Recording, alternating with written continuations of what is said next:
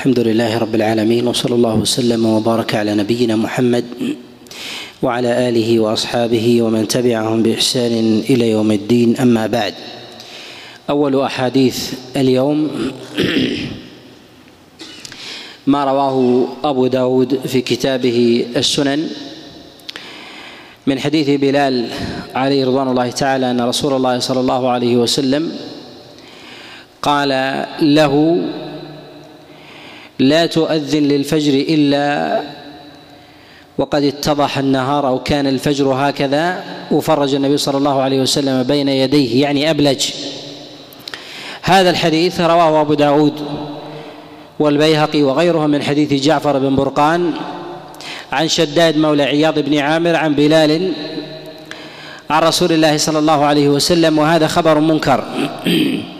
وهذا خبر منكر يستدل به من قال بعدم بعدم الأذان قبل الفجر تنبيها يعني أنه لا ينبه للفجر قبل قبل طلوعه كما كان بلال عليه رضوان الله تعالى يؤذن.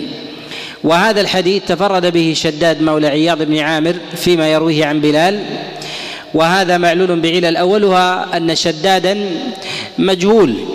وقد تكلم على جهالته غير واحد كما نص على هذا الإمام أحمد رحمه الله وكذلك الأثرم وغيرهم وأعل هذا الخبر الحافظ بن رجب رحمه الله.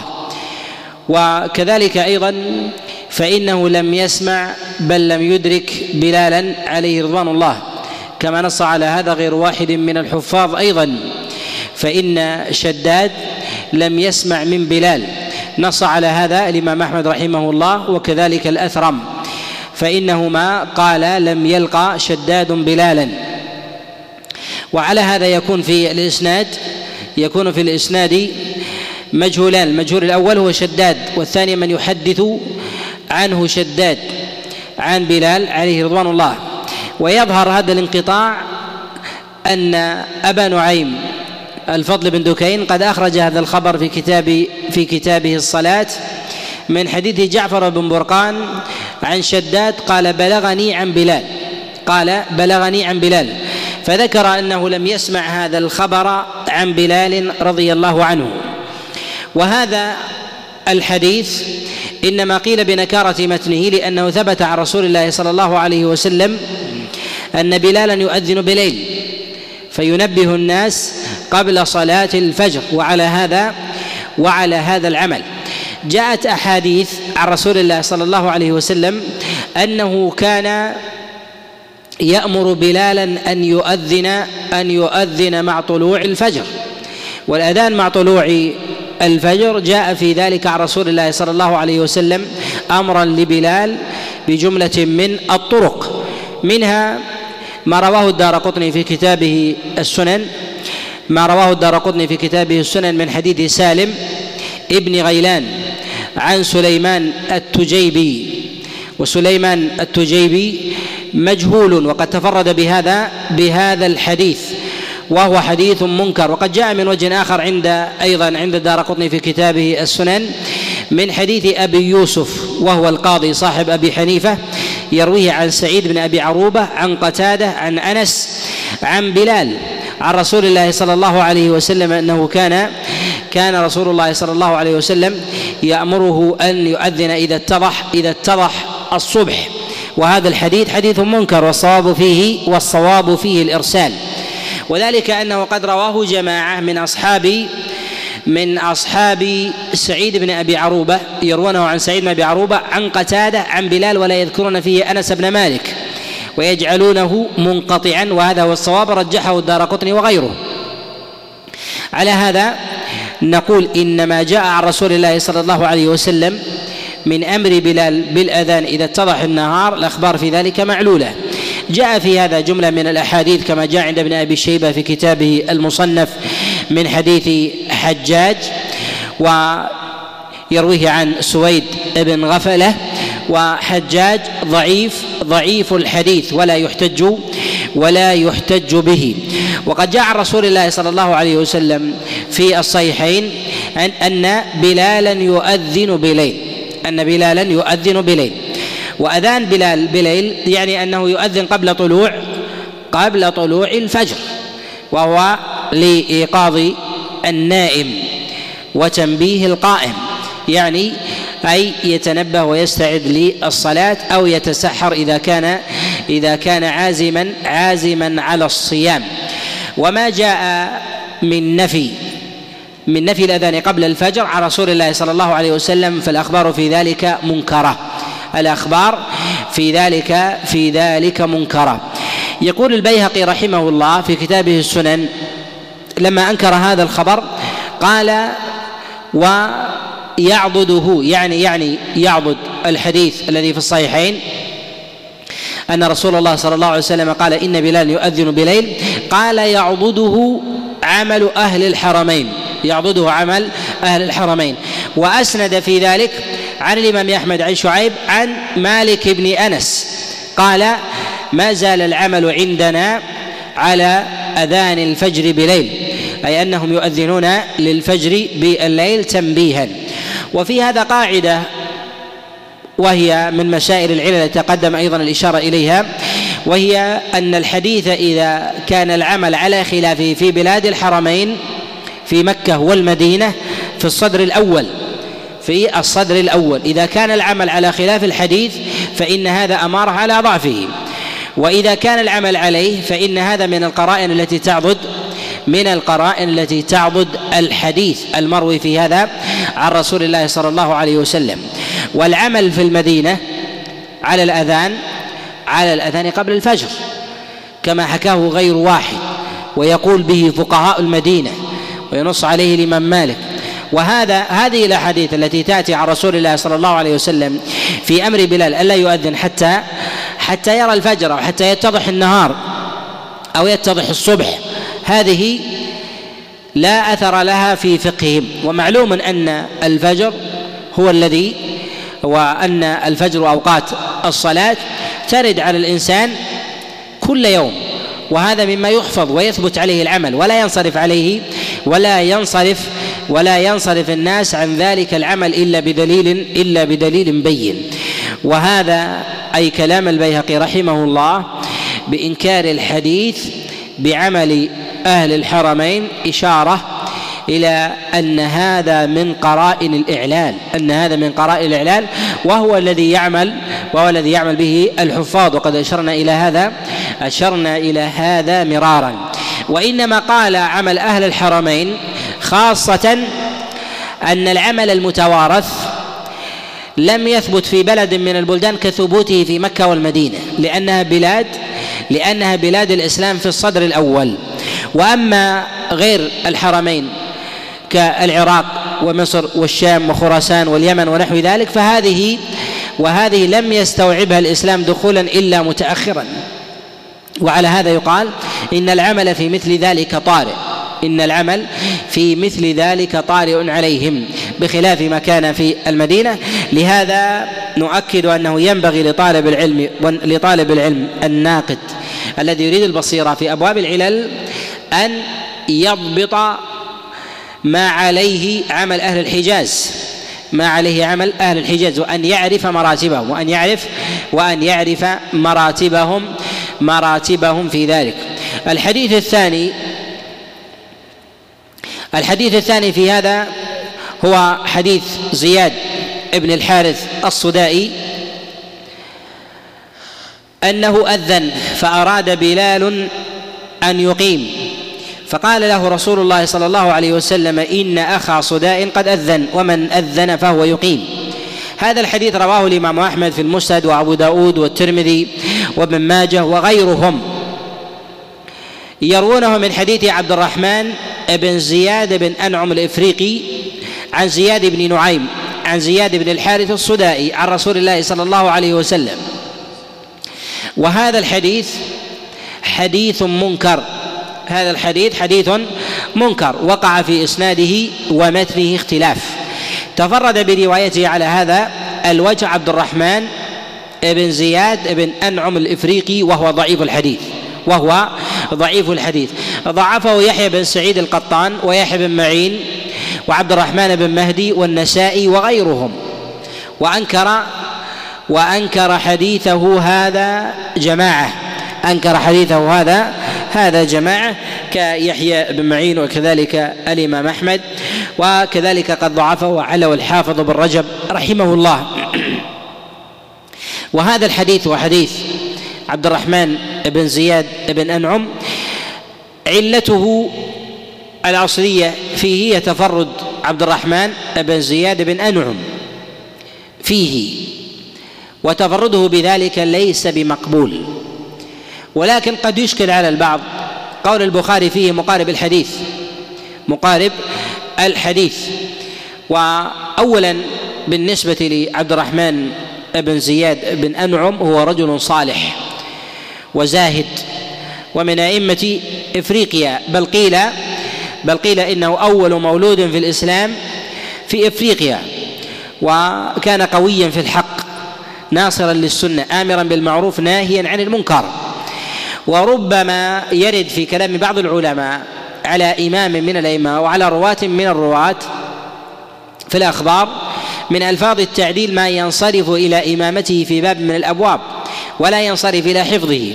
ومعلوم إن الطعن في حفظ الراوي لا يعني لا يعني ذلك طعنا في ديانته. فقد يكون من أئمة الديانة ولكن الحفظ هو آلة وملكة. قد لا يؤتاها الانسان وهو من العباد من الصالحين. لهذا لهذا ربما حمل البخاري رحمه الله على قوله في عبد الرحمن بن زياد إنه مقارب الحديث ما يعلمه من ما يعلمه من حاله. وأما إضافة المقاربة إلى حديثه إلى إلى حديثه فنقول إن لعبد الرحمن بن زياد أحاديث مستقيمة يوافق فيها الثقات وله أحاديث تستوجب الرد عليه وإنكار حديثه وإنكار وإنكار حديثه ومنها ومنها هذا هذا الحديث. وهذا الحديث حديث منكر قد تفرد به عبد الرحمن بن زياد من هذا الوجه ولا يثبت في ذلك شيء عن رسول الله صلى الله عليه وسلم في هذا في هذا المعنى. ويأتي الكلام على شيء من هذا من هذه الأحاديث في في التفصيل. وقد جاء في بعض الأسانيد فيه اختلاف. تارة يذكر عبد الرحمن بن زياد بن أنعم الإفريقي وتارة يسقط. تارة يذكر عبد الرحمن بن زياد بن أنعم فقد روى هذا الحديث أبو نعيم في كتاب معرفة الصحابة وكذلك في أخبار أصفهان. ولم يذكر عبد الرحمن بن زياد بن أنعم الإفريقي. ولم يذكر عبد الرحمن بن زياد بن أنعم الإفريقي. وذكره وذكره في هذا الحديث هو الصواب وعلى هذا جرى الأئمة في إعلال هذا في إعلال الحديث في إعلال الحديث به. وهذا وهذا الحديث يعني حديث آه، زياد بن الحارث الصدائي قد جاء في معناه جملة من الأحاديث منها وهو الحديث الثالث حديث عبد الله بن عمر. حديث عبد الله بن عمر. أن رسول الله صلى الله عليه وسلم قال من أذن فهو يقيم. قال من أذن فهو يقيم. هذا الحديث حديث عبد الله بن عمر رواه البيهقي والطبراني وغيرهم من حديث سعيد بن راشد المازني عن عطاء عن عبد الله بن عمر عن رسول الله صلى الله عليه وسلم. وقد تفرد به على هذا النحو سعيد بن راشد وهو ضعيف. وقد أعله وأنكر حديثه جماعة من الأئمة كيحيى بن معين ولينه وضعفه غير واحد من العلماء كالإمام أحمد والنسائي والدار قطني وأبي حاتم وغيرهم. وقد توبع على حديثه هذا توبع على حديثه هذا بلفظ بلفظ أتم بلفظ أتم قد رواه أبو عدي. رواه ابن عدي في كتاب الكامل وأبو الحسن في جزء له من حديث حسام ابن المصمك يرويه عن عطاء عن عبد الله بن عمر بلفظ أطول واختصره ابن عدي في كتابه الكامل وحسام متروك الحديث وقال فيه الإمام أحمد رحمه الله مطروح وتركه عبد الله بن مبارك وغيره وهذه المتابعة من حسام لسعيد بن راشد لا يعتد ولا يعتبر بها. لا يعتد ولا يعتبر ولا يعتبر بها. لماذا؟ لضعف حسام وشدة وشدة طرح العلماء له. بل اتهم في حديثه. وكذلك فإن أمثال هؤلاء الرواة الذين يتابع بعضهم بعضا وهم من الضعفاء شديد الضعف إنما رددنا حديثهم لأن الأمر ربما يتجاوز الحفظ إلى إلى الدين. ربما يتجاوز الحفظ إلى الدين ولا ولا يستطيع الأئمة أن يصرحوا بذلك باعتبار أن الجزم أن المطعن في الدين فيه ما فيه. لماذا؟ أن الراوي كحال مثلا سعيد بن راشد وإن كان ضعيف الحديث إذا تابعه غيره كحال حسام وهو من المطروحين وضعفه في ذلك الشديد ربما لم يسمعه من عطاء وإنما سمعه من سعيد بن راشد. فيرجع الحديث إلى واحد. فنجعل هذه متابعة لذلك. لذلك بخلاف الضعفاء يسير الضعف. الذين ضعفهم لا نجزم بكونه يتعدى يتعدى إلى الدين. أما حال حسام فإنه شديد الضعف. وقد طرحه وترك حديثه واتهمه بعض الحفاظ. مما مما يجعل النفس لا تطمئن إلى إلى صدقه بأنه سمع من ذا من سمع ذلك من عطاء. ولو سمع ذلك من عطاء لاحتمل أن يرجع أن يرجع في ذلك إلى إلى أمر الحفظ.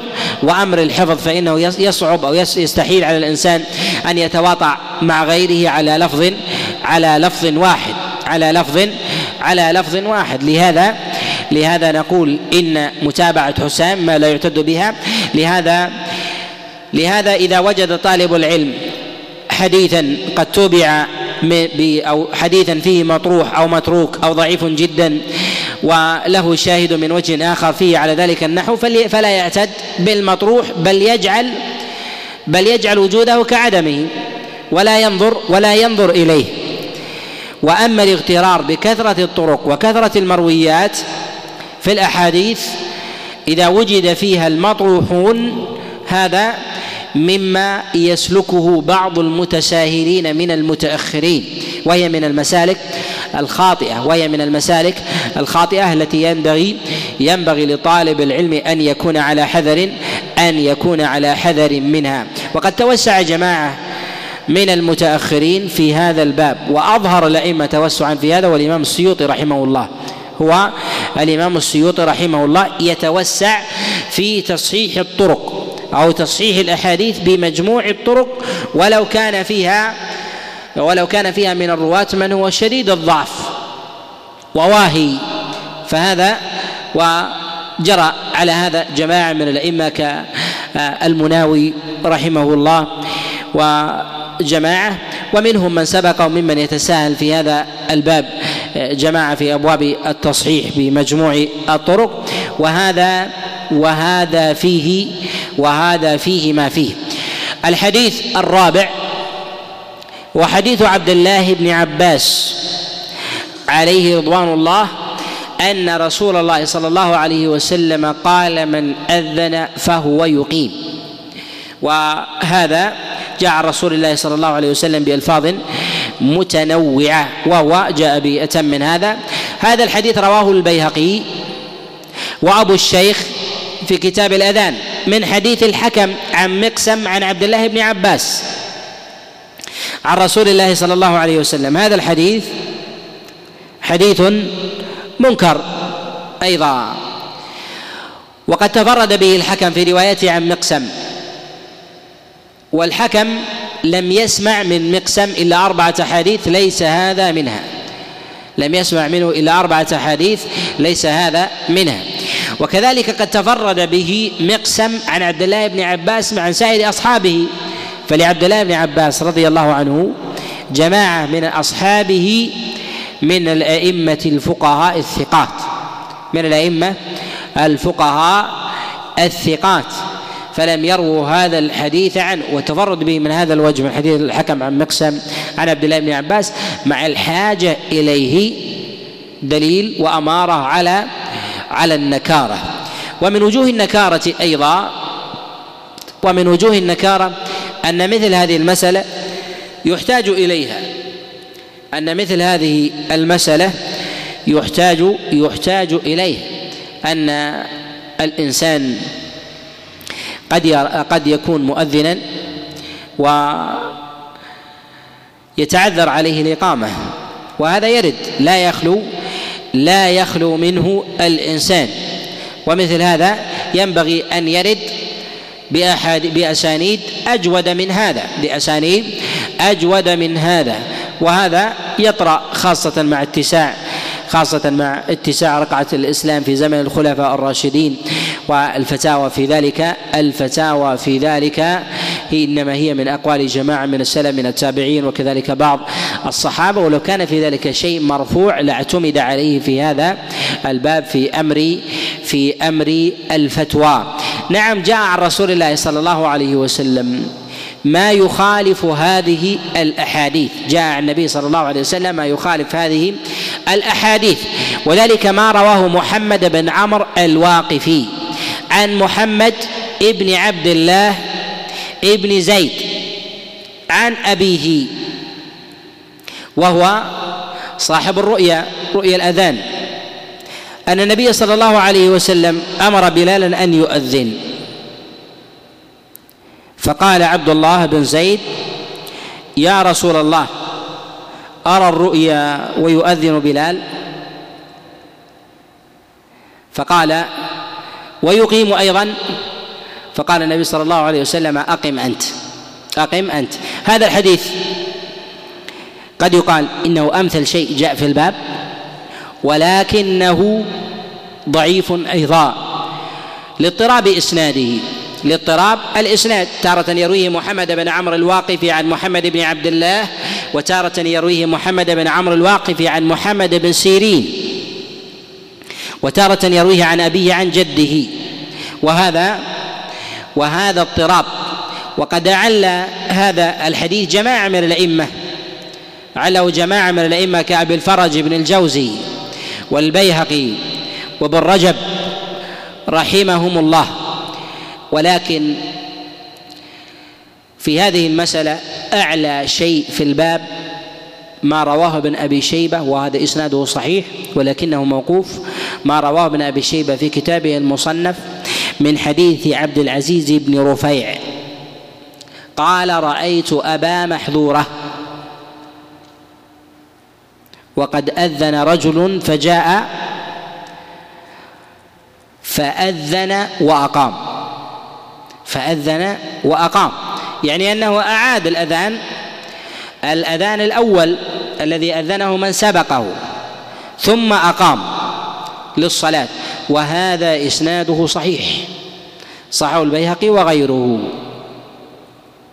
وهذا عن أبي محذورة وأبو محذورة هو من مؤذن رسول الله صلى الله عليه وسلم. وهل فعله ذلك يعضد المرفوع؟ المرفوعات التي جاءت عن رسول الله صلى الله عليه وسلم في هذا نقول إن العمل شيء إن العمل شيء. القول بالسنية القول بالسنية والتشريع شيء آخر شيء آخر. وذلك أن القول بالتشريع تأكيد. القول بالتشريع تأكيد. وذلك أيضا إنه قد يقال إنما جرى العمل على أن المؤذن يقيم وأن الأذان والإقامة تكون لشخص واحد أنه إذا كانت الاثنين تواكلا أنها لو كانت الاثنين تواكلا وإنما تجعل لواحد أضبط لأمر الناس أضبط لأمر أضبط لأمر الناس.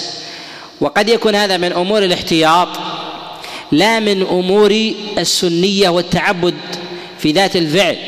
فنقول الإنسان في هذا يحتاط فيمتثل مثلا السنية ونحو ذلك أن يكون مثلا المؤذن ذهب و أو اعتذر ويخشى يتأخر. أن السنية يقال أن الإنسان ينبغي له أن ينتظر ينتظر المؤذن. ولو كان في ذلك كلفة يسيرة من غير مشقة ظاهرة على الناس ينتظر المؤذن.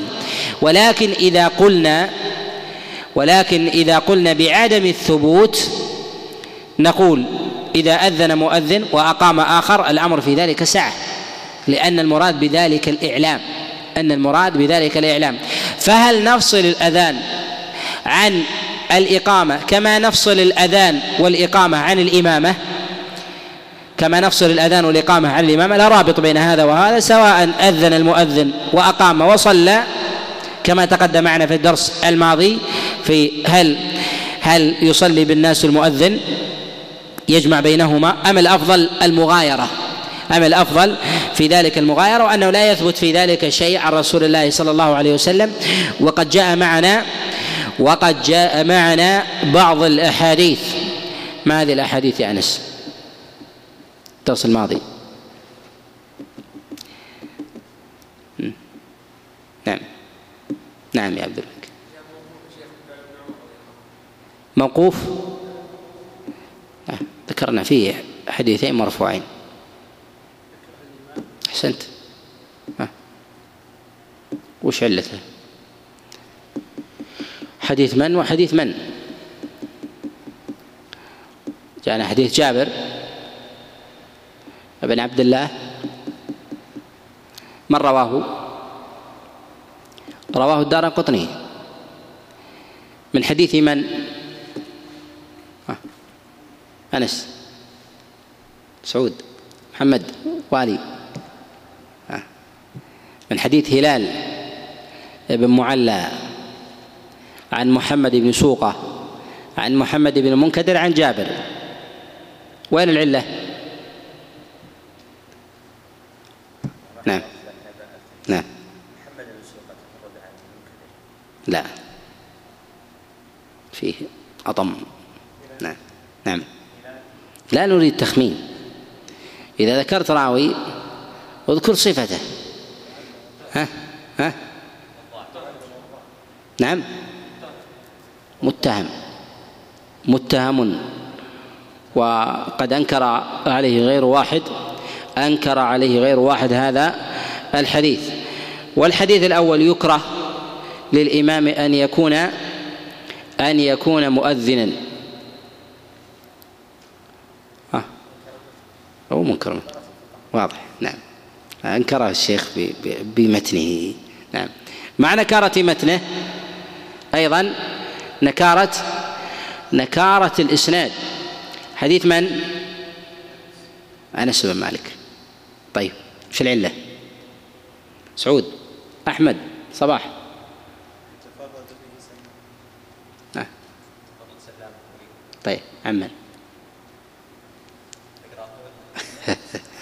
تفرد به سلام الطويل وهو وهو متروك أيضا وهو متروك وهو متروك أيضا.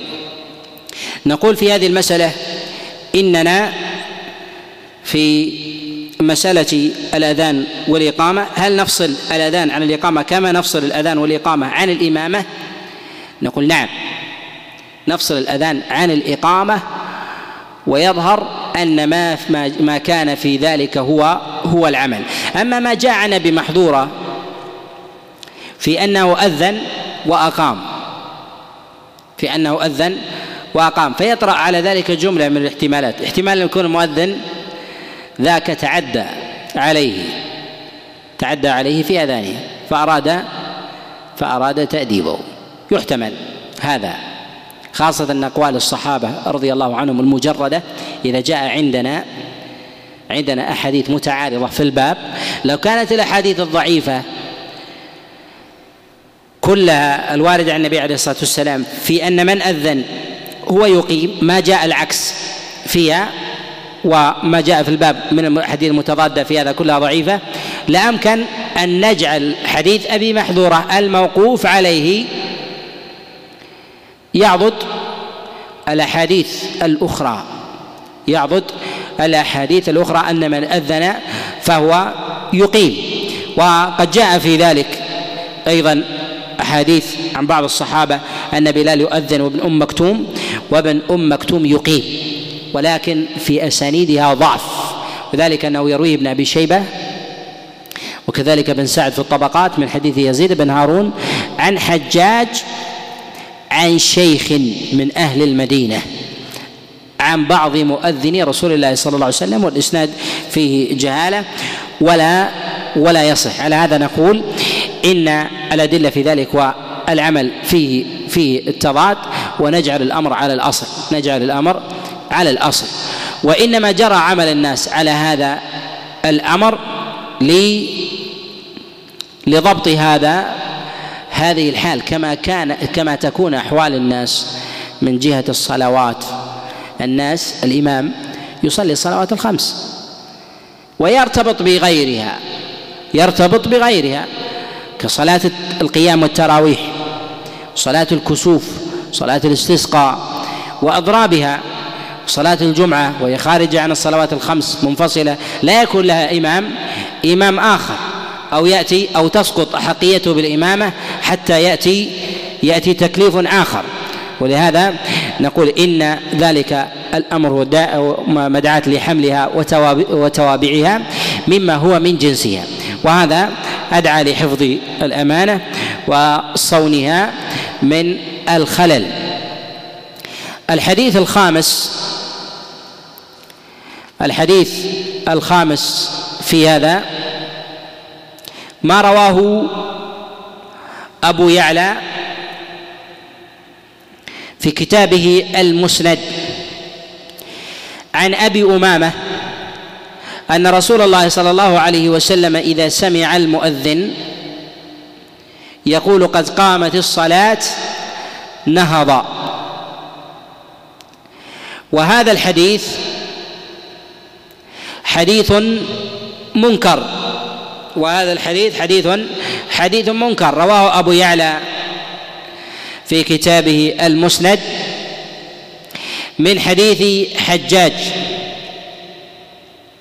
ابن فروخ وقد تفرد به تفرد تفرد به وهو ضعيف قد ضعفه جماعة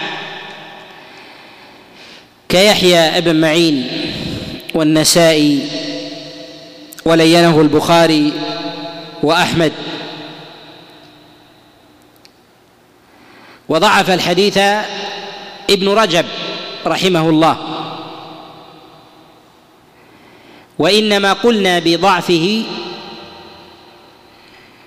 ونكارته أنه مخالف لما جاء عن رسول الله صلى الله عليه وسلم. من أن النبي صلى الله عليه وسلم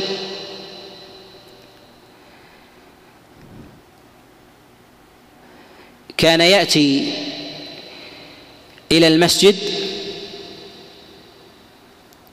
ثم يقوم الناس فلا مجال لجلوسه فلا مجال لجلوسه ونهوضه عليه الصلاة والسلام. كذلك أيضا ما جاء في الصحيحين وغيرهما أن رسول الله صلى الله عليه وسلم كان قائما يحدث صاحب حاجة فأقام بلال. والنبي صلى الله عليه وسلم قائم. وكذلك أيضا ما جاء في الصحيح أن رسول الله صلى الله عليه وسلم إذا أقيمت الصلاة استقبل الناس بوجهه وأمرهم بتسوية الصفوف.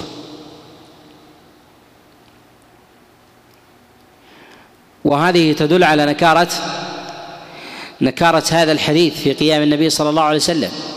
ثم إن جل حال النبي عليه الصلاة والسلام في الصلوات أنه يأتي من خارج المسجد. أنه يأتي من خارج المسجد. فلم يكن عليه الصلاة والسلام فيه. وذلك لانشغاله بمصالح المسلمين. فإذا كان كذلك فإننا نقول إن ما جاء في هذا الحديث من نهوض رسول الله صلى الله عليه وسلم عند قوله قد قامت الصلاة منكر. ثم أيضا من وجوه الإعلال أن هذا لو كان من السنة لو كان من السنة لاحتيج إلى اشتهاره بأسانيد قوية. والأسانيد التي جاءت عن رسول الله صلى الله عليه وسلم جاءت عامة من غير تقييد.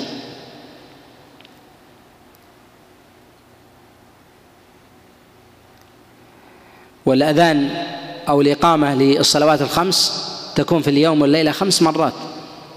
ولو كان هذا منضبطا دقيقا لجاءت به النصوص. ومن وجوه الإعلال أيضا أن هذا الأمر لم يكن عليه عمل الصحابة.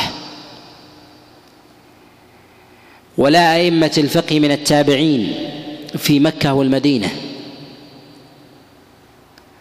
ومثل ذلك لا يفرط فيه وقد جاء عن رسول الله صلى الله عليه وسلم من السنن ما هو دون دونها. ومع ذلك اعتنى بها الصحابة عليهم رضوان الله تعالى وضبطوها. وهذا يؤكد ما تقدم معنا مرارا إلى أنه ينبغي ينبغي ضبط العمل. ضبط العمل فيما عليه أئمة الفقه من أهل البلدان. وبالإمكان وهذا نبينه كثيرا بالإمكان أن نعطي الإخوان تقييدات لفقهاء المدينة وفقهاء مكة وفقهاء الكوفة والبصرة والشام على اختلافها واليمن وخراسان وكل معاقل الإسلام. نعطي الإخوان مذكرة يرحل في الورقة الواحدة منها إلى المدينة. ولكن تعطى الأخوان ولا تصور. تطلب من الأخ من الأخ سعود. إن شاء الله لعلها تكون الأسبوع القادم. توزع الأخوان ضبط هذه فقهاء المدينة أتباع التابعين أقوى في أمور العلل من تابعي تابع اليمن والأطراف لماذا؟ لأنهم أقرب ولهم شيوخ يأخذون عنهم وإلا لا نعم. نكتفي بهذا القدر نعم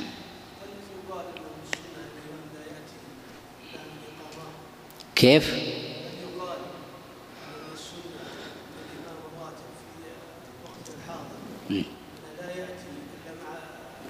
يقول هل نقول بالسنة الإمام ألا يأتي إلا مع الإقامة؟ هل نقول بهذا؟ إذا كان منشغل بمصالح المسلمين العامة نعم. ينشغل بمصالح العامة ولو تأخر. أما إذا كان يتكئ وأحاديث وقصص ونحو ذلك يقول هذه السنة هذه هذه ليست بسنة. نعم.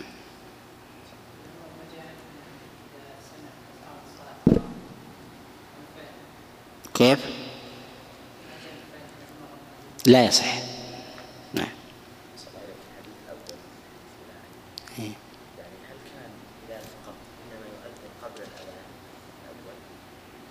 إيه. في الفجر يؤذن قبل الأذان. دائما. بس لا يعني هذا أنه يدع الأذان الأول لأن ابن أم مكتوم تارة يؤذن الثاني وتارة لا يؤذن.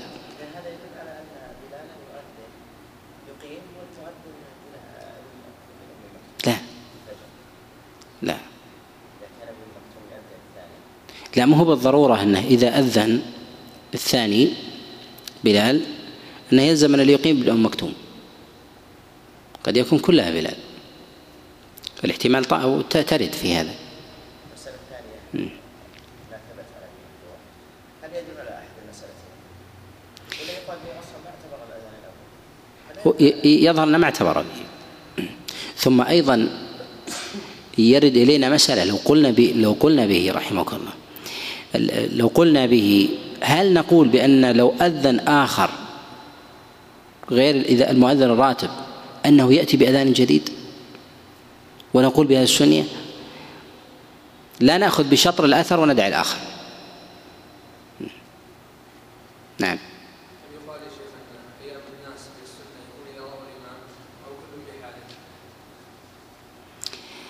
يقال إنهم يقومون يعني المأمومين بما يكفي لتسوية الصف والإتيان بالسنة.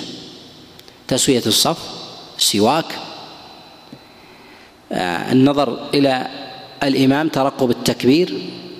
فهذا إذا كان يكفي هذا هو السنة. هذا هذا هو السنة. نعم. نعم سنة. سنة ينبغي أن يعني تحيا في الناس. يعني ربع ساعة. بعضهم يقول عشر دقائق.